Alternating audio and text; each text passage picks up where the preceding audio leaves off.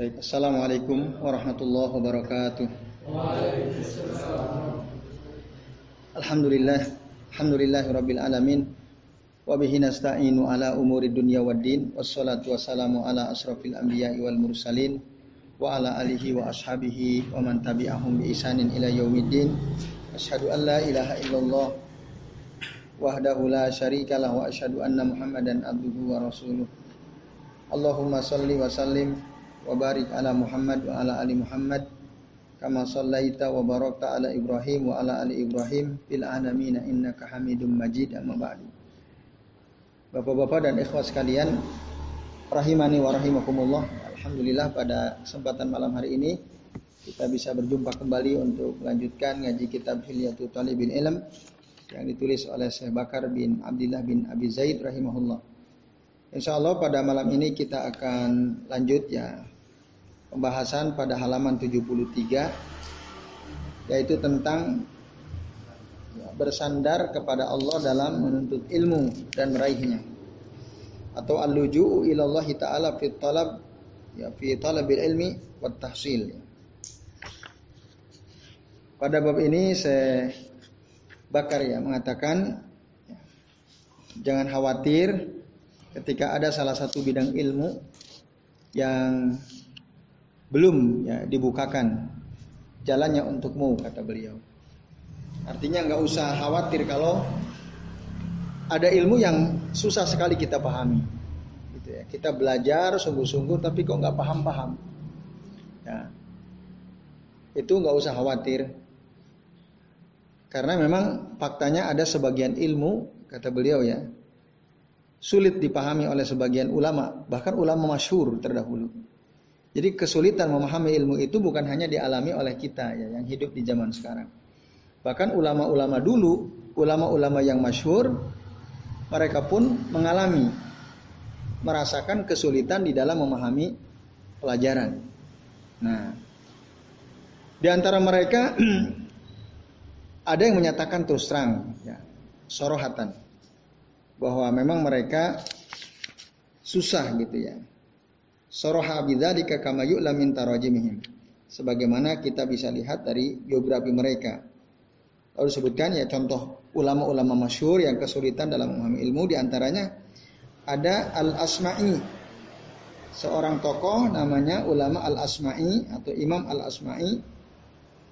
Nah, beliau kesulitan di dalam memahami fi ilmul fi ilmil arud ya.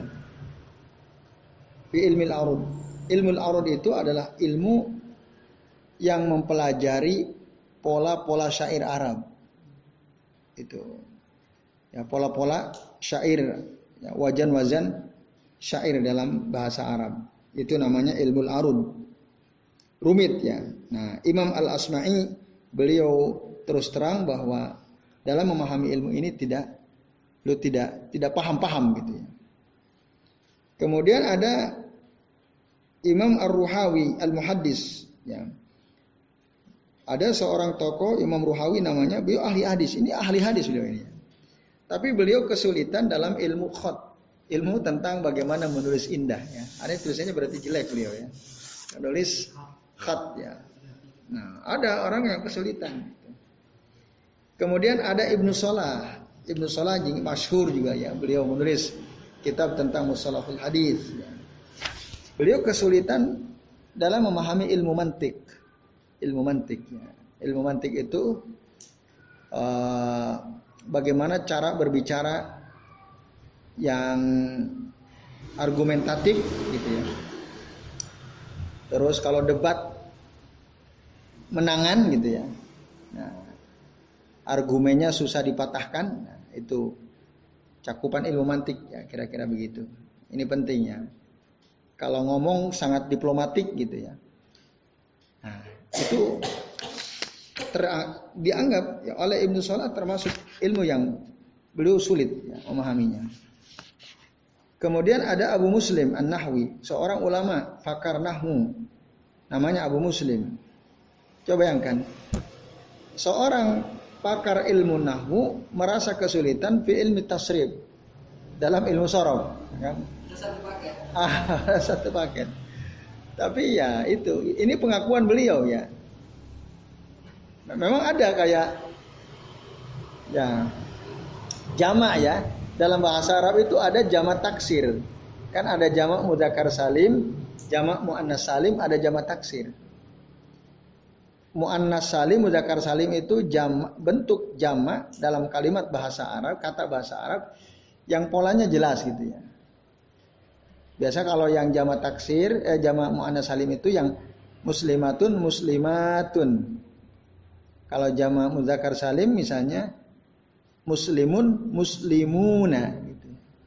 Tapi ada satu lagi jamak yang tak beraturan. Contoh masjidun bukan masjiduna ya, tapi masajidu. Babun bukan babuna tapi abwab. Itu itu beda. Polanya banyak. Nah, wajar jika ada ulama oh kok begini ya, kok begini ya, kok begini ya. Bahkan ada lebih dari 20 jamak taksir ya polanya.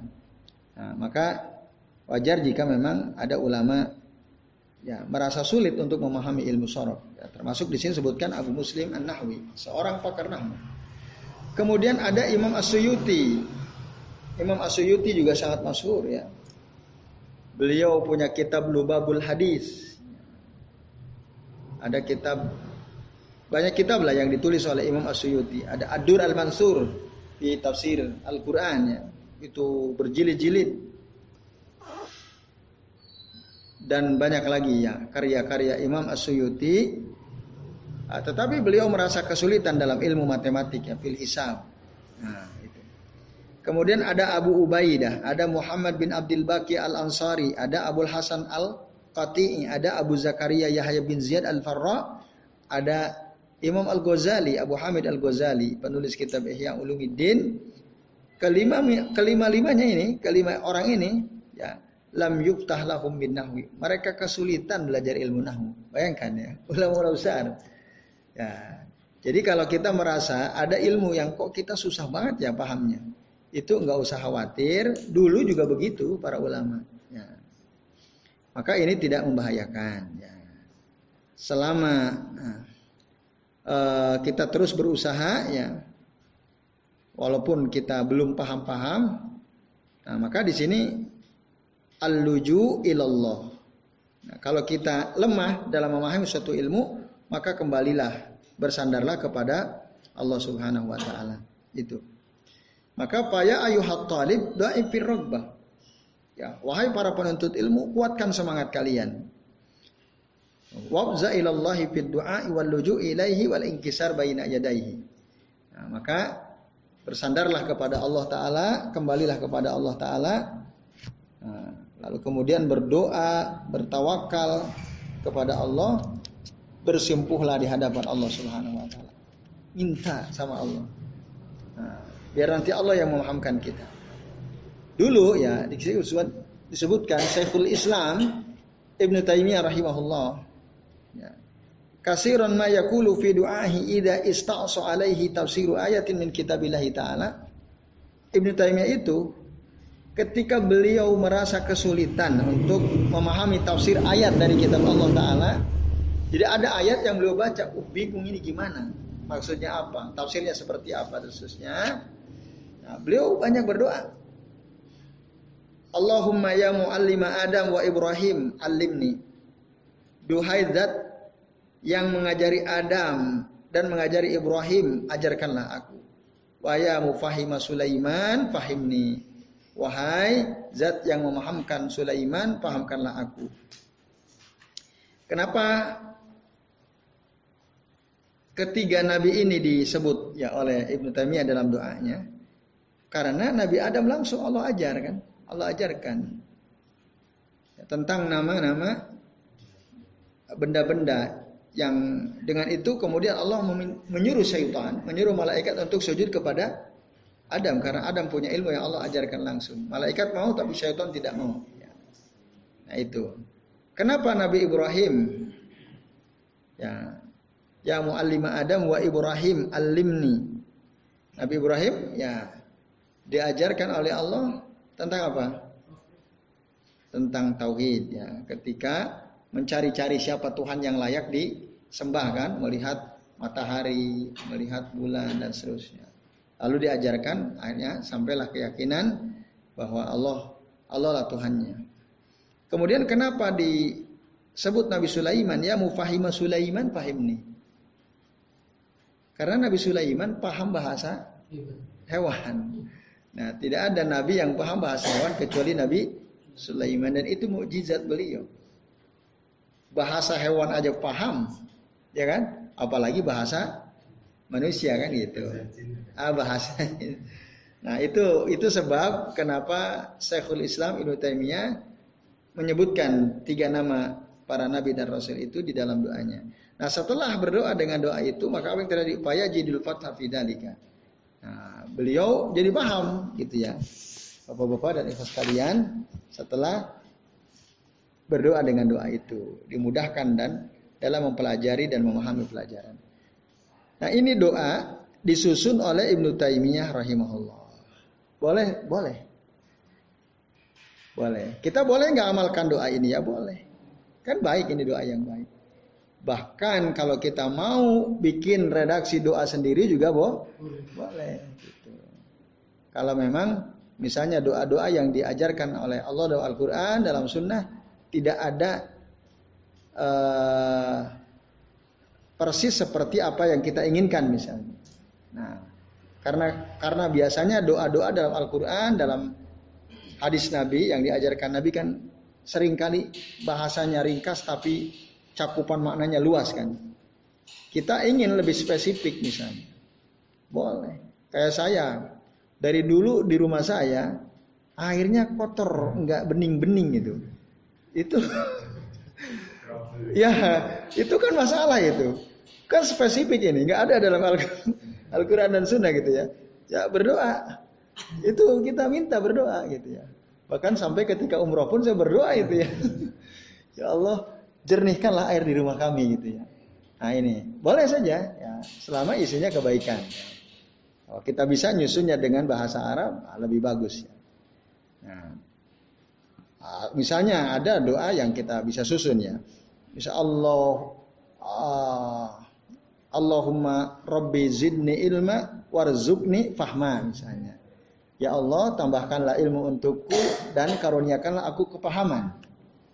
Kan itu misalnya lebih ringkas tapi lebih pas gitu ya. Allahumma Rabbi zidni ilman warzukni fahma. Kalau kita nggak paham-paham. Ya itu. Nah, jadi doa boleh kita buat sendiri kalau toh memang dalam Al-Quran dan dalam Sunnah tidak ada yang lebih spesifik gitu ya. Ya itu ikhwas kalian dan Ya doakan ibadah, ya betul ibadah. Bukankah ibadah nggak boleh buat-buat sendiri? Nah, itu gimana? Betul. Hukum asal ibadah itu kita nggak boleh membuat-buat sendiri ya. Sholat ibadah, boleh nggak kita ngarang-ngarang sholat? Nggak boleh kan? Nah, tapi dalam doa nanti ada ada dalil yang menunjukkan ya isyarat bahwa kita boleh berdoa dengan apa saja yang penting tidak ya di dalamnya tidak ada perbuatan dosa dan tidak untuk menut, apa, memutus tali silaturahim.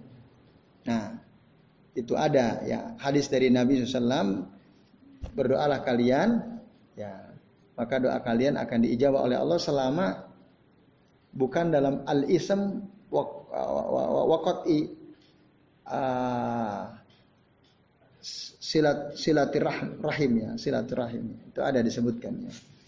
Nah ini, nah artinya berarti doa apa saja selama dua dua syarat itu ya tidak ada atau dua hal tadi tidak ada maka berarti boleh kan gitu. Itu kesimpulannya ya ikhlas kalian. Jadi ada kelapangan dalam hal berdoa. Kita boleh berdoa dengan doa yang uh, disusun oleh ulama atau oleh kita sendiri bahkan itu ya. Nah, maka berdoalah kepada Allah. Kalau tadi Ibnu Taimiyah bertawasul, tawasul apa? Allahumma tadi. Allahumma ya muallima. Nah, itu menyebut nama Allah Subhanahu wa taala. Allah itu yang mengajarkan ya. Nah, syukur-syukur kita sebut misalnya nama-nama Allah dan sifat-sifat Allah Subhanahu wa taala. Karena memang uh, bertawasul dengan nama dan sifat-sifat Allah dalam berdoa itu di Dibolehkan bahkan dianjurkan. Dalam Al-Quran lillahi asmaul husna pad'uhu biha kata Allah. Allah itu punya nama-nama yang baik maka berdoalah dengan nama-nama yang baik itu. Misalnya apa? Kalau kaitannya dengan masalah ilmu gimana? Ya alim. Gitu ya. Ya alim atau ya muallim, ya alim. Alimni ilman nafi'a. Ya. Wa fahman kawiya misalnya. Dan seterusnya lah. Kita bisa berdoa sesuai dengan apa yang kita inginkan selama tidak ada dosa dan untuk memutus tali silaturahim. Jadi saya kira ini ya teman sekalian, azan ya Allah wa yakum ajmain. Jadi pesan inti dari bab ini adalah jangan putus asa, kita punya Allah, berdoalah, mintalah kepada Allah Subhanahu wa taala. Kalau kita merasa susah, ulama-ulama masyhur dulu juga mereka ada yang merasa kesusahan dalam memahami suatu pelajaran. Ya, saya kira ini ya uh, penjelasan ringkas dari bersandar kepada Allah ya dalam menuntut ilmu dan dalam menghasilkan ilmu. Bab berikutnya adalah amanah ilmiah. Amanah keilmuan. Jadi amanah itu kepercayaan. Ya. Amanah itu harus dijaga. Ya. Amanah itu biasanya orang memahami ketika amanah, mendengar kata amanah berarti apa? Apa yang ada di pikiran antum ketika mendengar kata amanah? Kasih tanggung jawab, gitu kan? Dikasih amanah.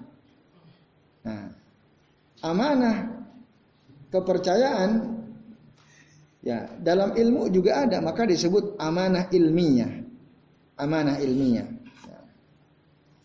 maka dikatakan yajibu ala talibil ilmi fa ikut tahalli bil amanatil ilmiyati fit talab.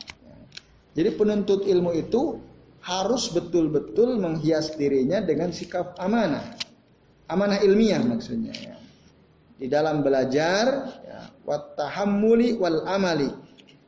Baik ya dalam mengemban ilmu, beramal dan menyampaikan ilmu. Nah itu ya.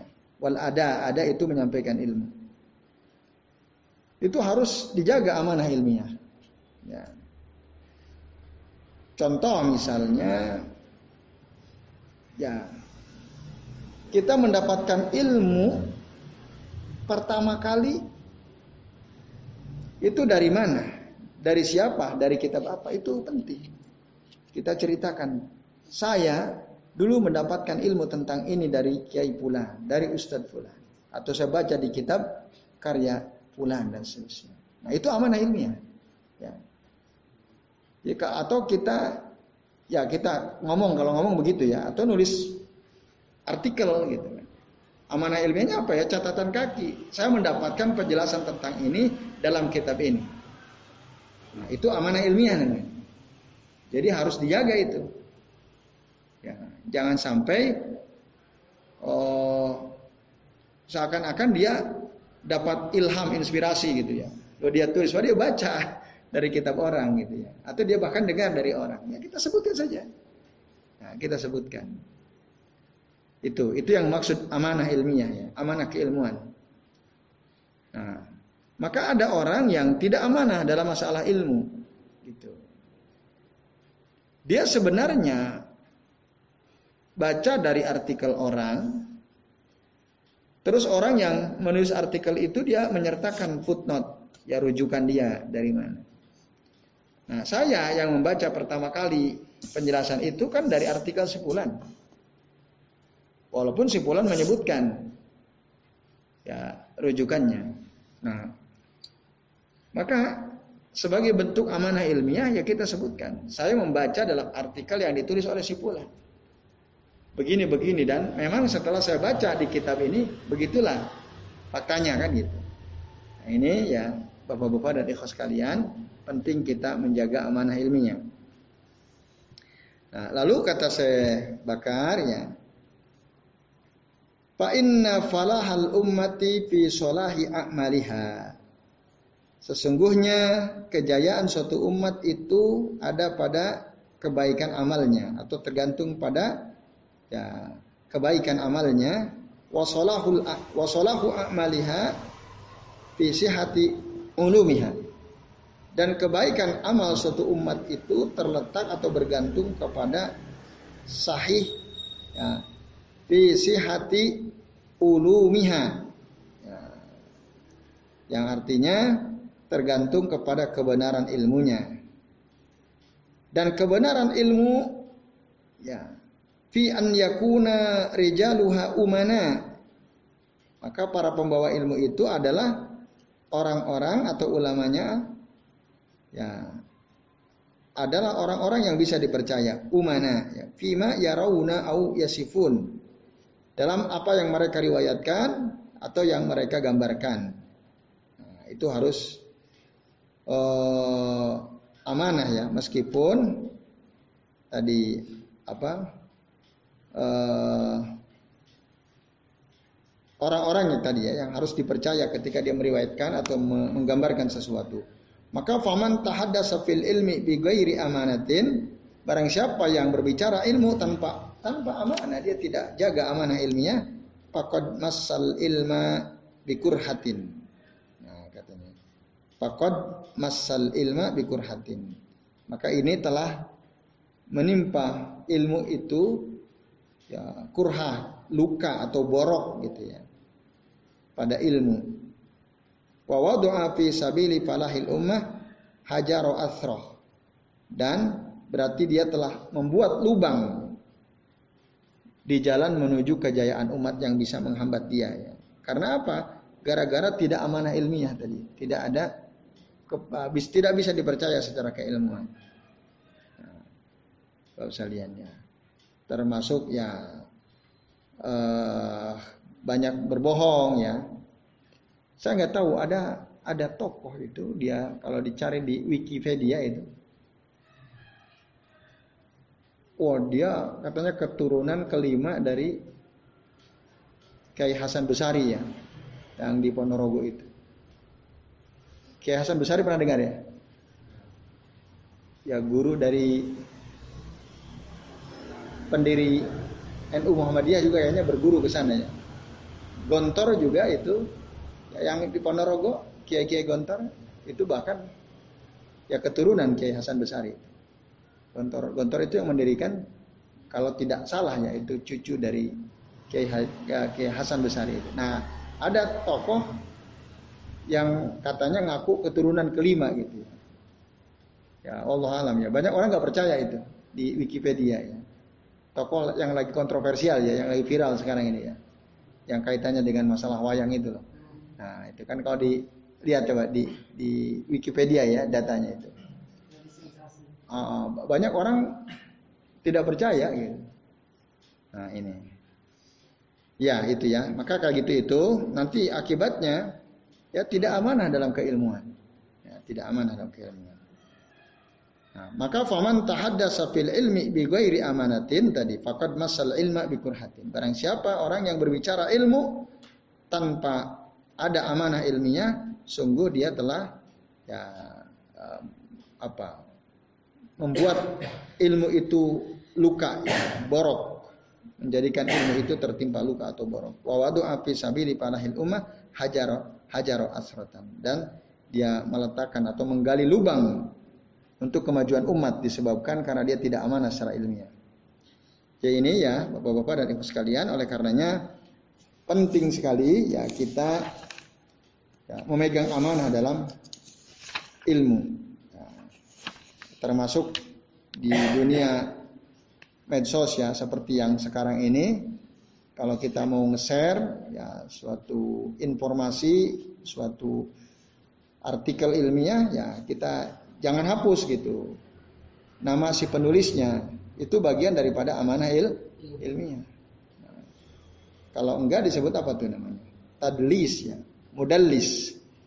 Mudallis itu orang yang menyembunyikan guru ya, gurunya sendiri atau orang yang menyembunyikan nama orang yang mengajarkan pertama kali dia tentang ilmu yang dia mau share itu. Nah, itu namanya mudallis ya. Dan ketika ada dalam rangkaian perawi orang yang melakukan tadlis atau mudalis maka hadis itu menjadi lem, lemah ya, karena ada orang yang menyembunyikan nama gurunya. Nah ini bapak-bapak dan ikhwas kalian, azan ya Allah wa ajmain. Lalu dikatakan kelompok-kelompok yang berafiliasi kepada ilmu tidak pernah steril. Ya, dari orang-orang yang tujuannya menuntut ilmu bukan untuk berhias dengan perilaku utama ya atau memberi orang lain manfaat dengan ilmu yang telah mereka ketahui. Ya. Jadi ada orang yang niatnya saat dia nuntut ilmu bukan untuk berhias. Hilyah itu hiasannya. Dengan ilmu itu sendiri bukan. Bukan untuk diamalkan. Ada orang nuntut ilmu bukan untuk berhias dengan ilmu itu dan juga bukan untuk diamalkan atau bukan untuk memberi manfaat kepada orang lain terkait dengan ilmu yang dia pelajari ya atau ilmu yang dia ketahui. Nah, kata saya bakar orang-orang seperti mereka itu engkau tidak bisa mendapatkan sikap amanah ilmiah. Sifat amanah ilmiah yang ada pada diri mereka. Itu karena tujuan dia nuntut ilmu itu bukan untuk mencari keutamaan ilmu bukan. Bukan untuk supaya bisa memberikan manfaat seluas-luasnya kepada orang lain bukan. Tapi urusannya apa? Ya dunia gitu ya. Yang dia kejar dengan ilmu yang dia pelajari adalah du, dunia. Ya. Padahal yang dia pelajari ilmu syara ya, ilmu syariat. Nah, orang yang seperti itu kata Syekh Bakar ya tidak bisa ditemukan dalam hatinya niat. Ya. Uh, uh, tidak akan temukan dalam dalam hatinya itu sifat amanah ilmiah. Ya, sifat amanah ilmiah tidak mungkin ada di sana. Yaitu, nah kemudian uh, bapak-bapak dan ikhwas kalian, azani Allah wa iyyakum ajmain. beliau mengatakan setelah itu ya, mereka tidak merasa bersalah. Andai kata ya, apa? Di sana dikatakan mereka tidak merasa bersalah andai kata meriwayatkan ilmu yang tidak pernah mereka dengar ya pala yataharrajuna an yarau ma lam yasma kan itu ya dia belum pernah dengar tapi dia ya Katanya saya mendengar dari si Fulan bin Fulan begini, begini, begini. Dari si Fulan begini. Padahal dia nggak pernah ketemu.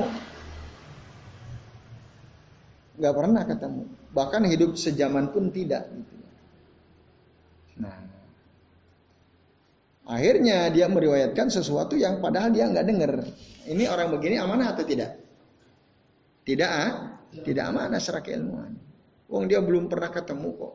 Dia malah bilang saya mendengar dari sipulan sipulan bilang begini. Nah, itu tidak amanah ya secara ilmiah ya ikhwas kalian azani Allah wa iyyakum ajmain. Ya itu. Lalu kemudian au yasifu malam ya'lamu ya atau mereka mensifati ya sesuatu atau menggambarkan sesuatu yang mereka tidak tahu. Ya, dia menggambarkan bahwa apa misalnya uh, tentang keadaan neraka misalnya dia gambarkan wah kayaknya mantap betul gitu ya padahal dia belum pernah baca dalam Al-Quran dalam hadis Nabi ya. atau ada orang menggambarkan oh si Fulan ini hafal Al-Quran 40 juz ada kan yang ngomong gitu ya ada nggak ada itu, hafal Al-Quran 40 juz. Ya, itu ya. Dia nggak tahu kalau Al-Quran itu nggak nyampe segitu gitu ya. Nah, ini orang nggak amanah. Maka kalau dia dipercaya jadi penguasa, oh bahaya itu ya. Ah? tidak amanah secara ilmiah ya, secara ilmu. Dan kayaknya nggak malu gitu orang seperti itu ya. Nah, ya dia nggak pantas orang yang begitu itu. Dia tidak punya amanah ilmiah. Nah, itu ya. Itu contoh konkret yang betul-betul terjadi di tengah-tengah kita ya. Bapak-bapak dan ikhwas kalian, azan ya Allah wa Nah, dia yasifu malam ya'lam. Wahada makana yad'u ya jihabada ahli ilmi ila nakdir rijal. Nah, ila nakdir rijal. Maka nah, inilah yang dulu mendorong para ulama ya untuk mengkritik ya, nakdir rijal itu mengkritik para perawi hadis. Wahada makana yad'u jahabada ahli ilmi ila nakdir rijal. Inilah dia yang mendorong para ulama untuk melakukan kritik terhadap ya para perawi hadis. Ya, para perawi hadis, nakdur rijal itu kritik terhadap perawi hadis. Nah, wa tam tamyizu man yusrifu fil qawli mimman yasubuhu ala qadri ma ya'lam. Ala qadri ma ya'lam. Itu ya kata saya bakar dan ya perbedaan atau pembeda ya atau klasifikasi kata uh, tamyiz itu pembeda ya atau ya tadi uh, pengelompokan pengklasifikasian. Man yusrifu fil kaul mimman yasuguhu ala qadri ma ya'lam. Ya. yaitu yang berbicara berlebihan yusrifu fil kaul itu berbicara berlebihan. Jadi amanah ilmiah itu untuk membedakan siapa orang yang berbicara berlebihan dari siapa orang yang berbicara sesuai dengan kadar keilmuan, kadar ilmu yang dia ketahui. Nah, itu ya ikhlas kalian. Azani Allah wa Pentingnya amanah ilmiah itu di sini ya. Nah, hatta asbahatul labul ilmi ala basiratin min qimati ma yaqra'unahu fala takhfa alaihi manzilatuh. Nah, sampai para penuntut ilmu, ya, para penuntut ilmu bisa melihat dengan jelas ya, apa nilai dari apa yang mereka baca. Fiki mati ma yakra'unahu fala yakhfa alaihim manzilatahu. Nah, maka uh, tanpa ada kesamaran lagi ya uh, kedudukannya bisa dengan jelas diketahui. Bisa dengan jelas di, diketahui. Falat para takfa alaihi manzilatu. Itu kalau orang yang memegang betul amanah ilmiah, ya dia pasti tinggi derajatnya, ya, tidak samar lagi, ya, ketinggian akan ketinggian derajat dia. Itu ikhwas kalian, azan ya Allah wa Kemudian hatta asbaha tullabul ilmi ala basiratin. Nah, udah tadi ya min uh, min qimati ma yaqra'unahu fala tahfa alaihi manzilatu. Tidak samar lagi jelas ya kedudukan mereka orang-orang yang berbicara sesuai dengan kadar keilmuan. Nah, kemudian minal qat'i bi sidqihi au kidbihi au rujhani ahadihima alal akhar au tihmat au timalihima ala sawa. Itu kata saya bakar ya. Sehingga ya uh, di katakan asbahatul lab eh maaf. Eh, mana tadi? Palata minal qat'i bisod ya, bisodakihi ya. Jadi betul-betul bisa dipastikan ya. Bisa dipastikan kebenarannya juga bisa dipastikan kedustaannya au kizbihi atau bisa dipastikan mana di antara dua yang ada itu yang paling kokoh, yang paling kuat ya. Di atas yang lain ya. Ini. Dengan amanah ilmiah itu bisa dibedakan nanti. Seperti itu. Nah, jadi atau mana sifat yang lebih dominan dan mana sifat yang tidak lebih dominan. Ya. Kemudian awih timalihima alas sawa atau ya uh, kemungkinan dusta dan benarnya itu sama. Ya. Mengandung kebenaran dan dustanya dustanya itu itu sama. Nah itu ini maksudnya pengetahuan yang akan kita dapatkan dengan menjaga amanah il, ilmiah. Jadi kita bisa bedakan itu. Mana yang berlebih-lebihan mana yang bicara sesuai fakta ya. Sehingga kita sebagai penuntut ilmu ya bisa mendapatkan informasi yang akurat sesuai dengan apa yang kita baca tidak samar lagi ya kedudukannya dan jadi jelas ya mana yang jujur mana yang dusta dan akan lebih kuat nanti salah satu di antara yang lainnya. Nah, ini uh, penjelasan dari amanah ilmiah ya. Intinya kita harus jaga ya amanah ilmiah supaya kita termasuk orang yang dominan dari sisi kejujuran. Nah itu. Ya, saya kira ini ya teman sekalian, ajani Allah wa ajmain. Uh, dua pembahasan terkait dengan uh, bagaimana seharusnya kehidupan seorang tolib dalam uh, kehidupan ilmiah. Ya. Ya. Selain beberapa perkara yang kita sudah bahas ya, ini tambahan yaitu dua tambahan tadi ya. Satu tentang apa? uh, pentingnya bersandar kepada Allah Ta'ala, berdoa, memohon kepada Allah supaya diberikan ilmu dan kepahaman. Yang kedua, amanah il, amanah ilmiah. Nah, ini gampang banget sih sebenarnya amanah ilmiah itu. Ya. Uh, tapi gampang pula dikhianati itu amanah ilmiah itu. Iya. Nanti apa orang itu hanya yang amanah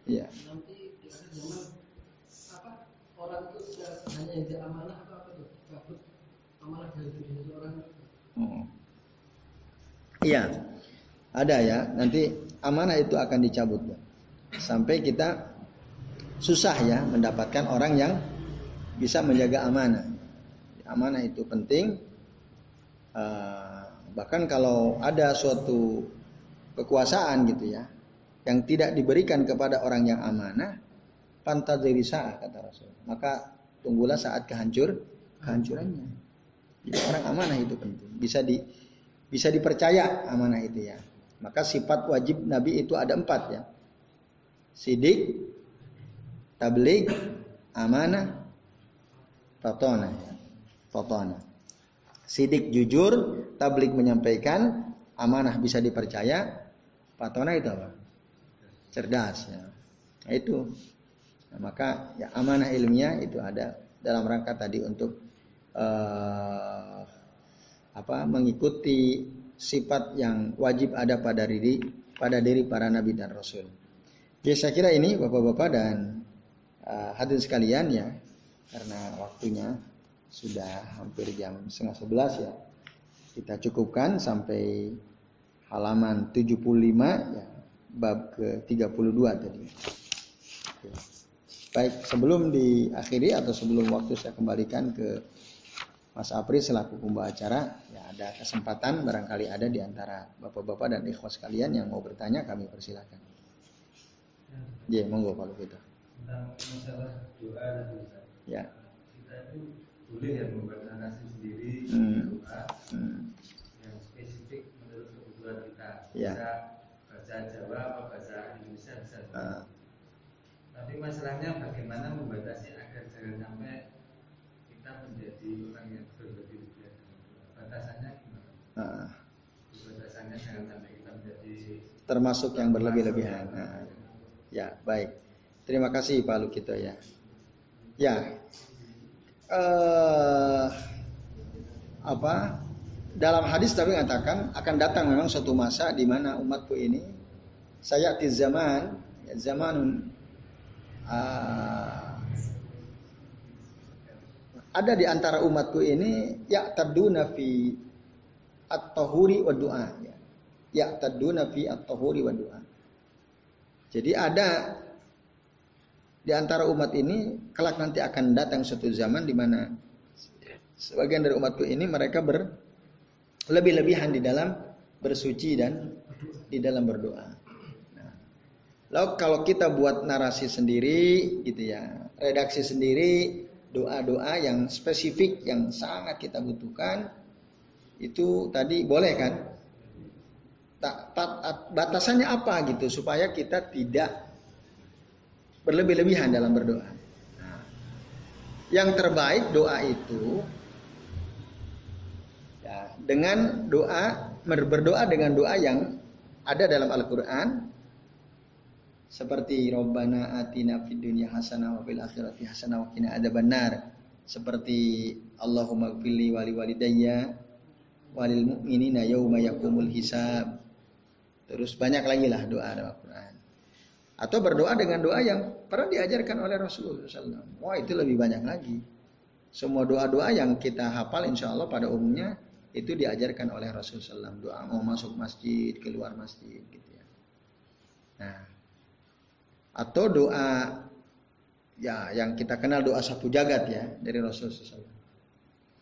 Ada juga doa yang kalimatnya lumayan panjang gitu.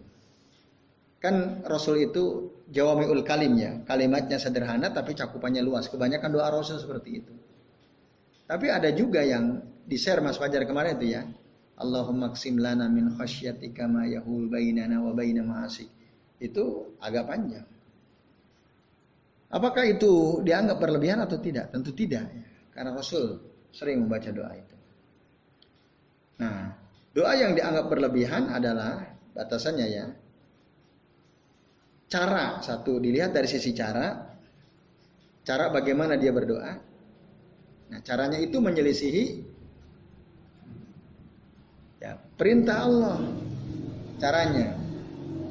Nah, kan ada dalam Al-Quran. Bagaimana cara berdoa yang baik itu? Ya, disebutkan Bapak-bapak sekalian ya, dalam surah Al-A'raf ayat 55. Kalau ayat ini dilanggar, ya berarti kita berlebihan. Nah, itu. Dalam ayat ini kan dikatakan, Ud'u rabbakum. Ya, berdoalah kalian kepada Tuhan kalian tadarru'a wa khufyah. Nah, ini. Tadarru'a wa khufyah. Dengan ya rendah hati dan suara yang lembut, yang samar. Itu. Innahu la yuhibbul mu'tadin dan sesungguhnya Allah tidak menyukai yang berlebih-lebihan. Maka mafhumnya Bapak-bapak dan sekalian, kalau ada orang berdoa dikeraskan, ya dan itu selalu begitu dia kalau doa itu termasuk berlebihan. Karena bertentangan dengan perintah Allah ini untuk dengan ya rendah hati dengan suara lirih ya. Itu batasannya itu. Ah, selama dia tidak teriak-teriak dalam berdoa cara dia berdoa ya itu udah udah. Satu terpenuhi berarti kan dia dianggap tidak berlebihan dalam berdoa. Itu dari sisi cara. Kemudian dari sisi konten, isi, isi doa.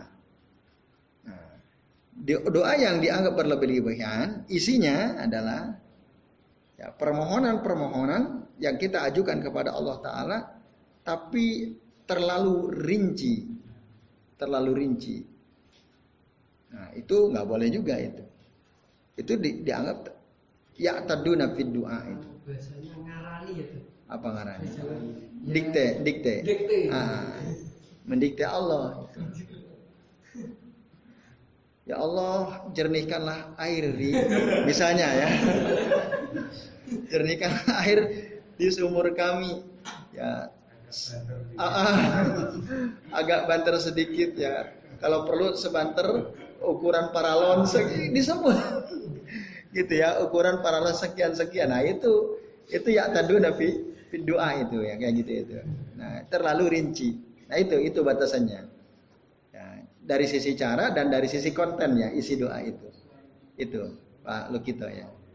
Nah kalau kedua itu tidak kita lakukan maka doa kita tidak termasuk berlebihan gitu ya, ya itu Ya kalau contoh yang sering saya sebut ya doa yang sebenarnya isinya berlebihan tapi banyak orang mengamalkan. Apa itu doa apa? Ada doa, banyak orang mengamalkan, tapi sebenarnya ini doa termasuk berlebihan. Artinya nggak doa ini nggak boleh sebenarnya. Tapi banyak orang justru mengamalkan. Yaitu doa setelah sholat duha. Itu. Bukan itu, kalau itu kan diajarkan Rasul. Allahumma inna duha aduha uka wal baha abaha uka wal jamala jamaluka wal kuwata kuwatuka wal kudrota kudrotuka. Di situ sih nggak ada masalah ya. Allahumma inna duha duha uka ya Allah sesungguhnya waktu duha itu adalah waktu duhamu. Wal baha abaha uka ya baha itu keagungan adalah keagunganmu wal jamala jamaluka. Keindahan adalah keindahanmu wal kuwata kuwatuka kekuatan adalah kekuatan wal kudrota kudrotuka eh, kemahakuasaan adalah kemahakuasaan. Itu kan? Allahumma nah ini udah mulai ini. Allahumma in kana rizki fis sama'i fa anzilhu. Ya Allah seandainya rezekiku di langit turunkanlah.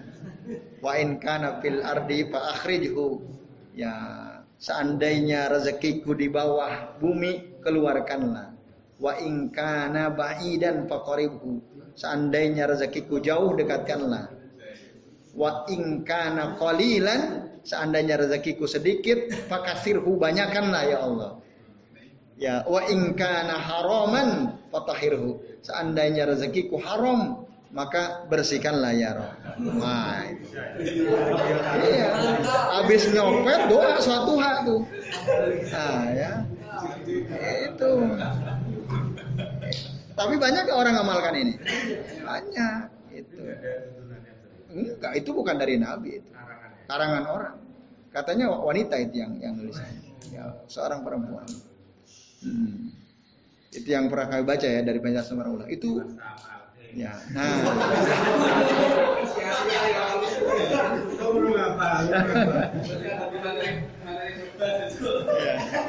Kan ini apa? Iya. Bahkan jadi lagu itu ada penyanyi yang membuat ngarang lagu yang isinya adalah doa salat duha itu. Terus yang masalahnya lagi kan kalimat berikutnya. Bihaki duha ika. Nah itu. Dengan hak waktu duhamu. Itu nggak boleh. Kalau kalimat berikutnya gak ada masalah. Bihaki duha ika wa ika jamalika wa kuwatika wa kudratika Atini ma ataitaka ibadah salihin. Berikanlah kepadaku apa yang engkau berikan kepada hamba-hambamu yang soleh. Itu itu boleh, tapi bihaki duha itu bihaki duha ika itu dianggap uh, mengandung unsur kesyirikannya. Jadi bersumpah dengan dengan hak waktu duha, hak waktu duha. Kalau Allah sih boleh wadduha walaili ida saja itu hak Allah. Tapi kalau kita nggak boleh. Karena Rasul mengatakan man halafa bi ghairillah faqad asyraka. Barang siapa yang bersumpah dengan nama selain Allah maka sungguh dia sudah berbuat syirik. Nah, dalam doa dua ada bihaqi duhaika. Bi itu kan harful qasam ya. Bihaqi. Sungguh dengan hak waktu duhamu gitu. Itu masalahnya. Ya itu, itu contoh doa yang nampaknya mantep gitu ya. Tapi sebenarnya berlebih-lebihan.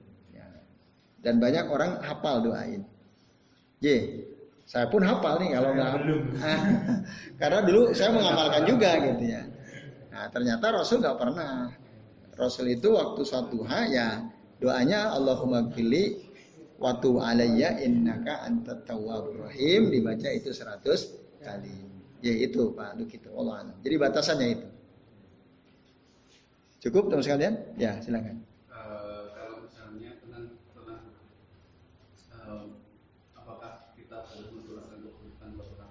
hmm. dalam rangka ini apa namanya memproses suriman jadi ada menaik dia merasa ini hmm. dia memperhatikan apakah boleh uh, memperhatikan Ya, jawabannya boleh. Mendoakan keburukan untuk orang yang berbuat zolim kepada kita boleh selama sesuai dengan kadar kezaliman yang dia lakukan. Tidak berlebihan. Nah, misalnya dia berbuat zolim ke kita. Apa perbuatan zolim yang dia lakukan ke kita? Nah, itu kan harus tahu kita kan. Zolimnya apa? Oh, kezalimannya misalnya Ah, korupsi Nah, atau gini lah misalnya Nah, ya tadi tinggal nanti misalnya yang antum sebutkan itu ya. Itu gimana cara kan minyak dinaikin harganya. Susah kan? Kita jadi susah. Bansos dikorupsi. Ya, kita jadi kesulitan kan? Nah, berdoa ya Allah sulitkanlah urusan orang yang menyulitkan kami. Nah, gitu aja. Semoga dia kena kolesterol. ini ini ah? Ya, Nabi kan juga berdoa, Allahumma Allahumma skuk eh, Allahumma man wali amra ummati ya pasakwa alaihim paskuk alaih kan gitu. Ya Allah, barang siapa orang yang diberikan kewenangan untuk menguruskan mengurusi urusan umatku, lalu dia menyulitkan mereka, sulitkanlah urusan mereka. Nah itu. Enggak, ya. Ya sebanding. Kalau dendam itu melebihi, ya melebihi. Misalnya udah sulit bangkrut. Ah, udah gitu kena stroke ya. Kita doakan. Ya Allah, sulitkanlah hidupnya. Nah, sampai bangkrut lalu timpakanlah kepada di penyakit stroke. Nah, dan lain-lain gitu. Nah, itu itu baru dendam, ya berlebihan. Nah, tapi kalau tidak begitu, ya tidak berlebihan maka tidak ada masalah gitu ya. Dalam Al-Qur'an juga ada ada ada ada hadisnya. Bahkan Rasul pernah juga begitu, didoakan dizolimi oleh orang-orang Yahudi, ya Rasul mendoakan keburukan untuk mereka. Ya, orang Yahudi itu kalau ketemu Rasul kan assalam eh, assamu alaika ya Muhammad. Assamu alaika ya Muhammad. Semoga kematian menimpamu wahai Muhammad atau semoga kebinasaan menimpamu wahai Muhammad. Apa kata Rasul? Wassalamu alaikum. Udah. Atau waalaikumsalam. Semoga kebinasaan juga menimpa kalian. Kan sebanding. Ya, itu kan. Nah, jadi selama sebanding itu tidak ada masalah. Nah, dalam Al-Quran antum bisa lihat ya ada ayat yang memang mengizinkan kita untuk membalas keburukan dengan keburukan serupa. Silakan buka surah Asy-Syura itu ya, ayat 40. Surah Asy-Syura ayat 40. Nah, di sana sebutkan wajaza usayyiatin sayyiatun misluha. Balasan keburukan itu harus keburukan yang sama. Harus yang sama. Maka dulu waktu orang Yahudi ngucapin Assalamu alaikai Muhammad, Aisyah waktu itu ada di samping Rasul. Marah Aisyah. Apa kata Aisyah? Aisyah membalas Ummul Mukminin radhiyallahu anha, "Wa alaikumussalam wa alaikum la'natullah wa alaikum ghadabullah wa alaikum sakhatullah." Wah, itu ya. Kata Aisyah, marah Aisyah. Semoga kebinasaan menimpa kalian Semoga laknat Allah menimpa kalian. Semoga kemarahan Allah, kemurkaan Allah menimpa kalian. Rasul ada di situ. Kata Rasul, mahlan ya Aisyah. Santai saja ya, ya Aisyah. Ya enggak. Udah cukup katakan waalaikumsalam selesai. Enggak usah tambah-tambahin gitu ya. Nah karena dalam surah Asyura ayat 40 wajaza usayyatin sayyiatun misluha. Itu boleh. Tapi tapi faman apa wa aslaha fa ajruhu Allah. Barang siapa yang memberi maaf maaf ya. Ada orang zalim kita maafkan wa aslaha dan dia ya membuat kedamaian, perbaikan fa ajruhu Allah. Pahalanya nanti Allah yang kasih. Pasti Allah kasih. Itu innahu la yuhibbuz zalimin. Sesungguhnya Allah tidak suka terhadap orang-orang yang zalim. Nah, jadi kalau kita misalnya dikeluarkan, dipecat dari satu tem di tempat kerja kita gara-gara seseorang, lalu kita berdoa, ya Allah, ya tadi berlebihan. Mudah-mudahan dia pun dipecat dari tempat kerjanya. Ditangkap polisi karena dia korupsi ketahuan gitu ya. Lalu mati di penjara misalnya dalam keadaan sakit stroke dan diabetes misalnya. Wah, itu kan kejam sekali itu itu ya itu dendam namanya. Nah, kayak gitu itu nggak boleh ya. Jadi itu Mas Abdi ya. Jadi boleh mendoakan keburukan bagi orang yang berbuat zalim kepada kita boleh. Dasarnya dari surah Asyura ayat 40 40 itu. Ya, saya kira itu ya jawaban yang bisa kami sampaikan. Allah a'lam. Baik, ya sekalian, cukup ya. Sementara ini dulu yang kita bisa bahas. Semoga bermanfaat. Mohon maaf jika apa yang kami sampaikan ada kesalahan.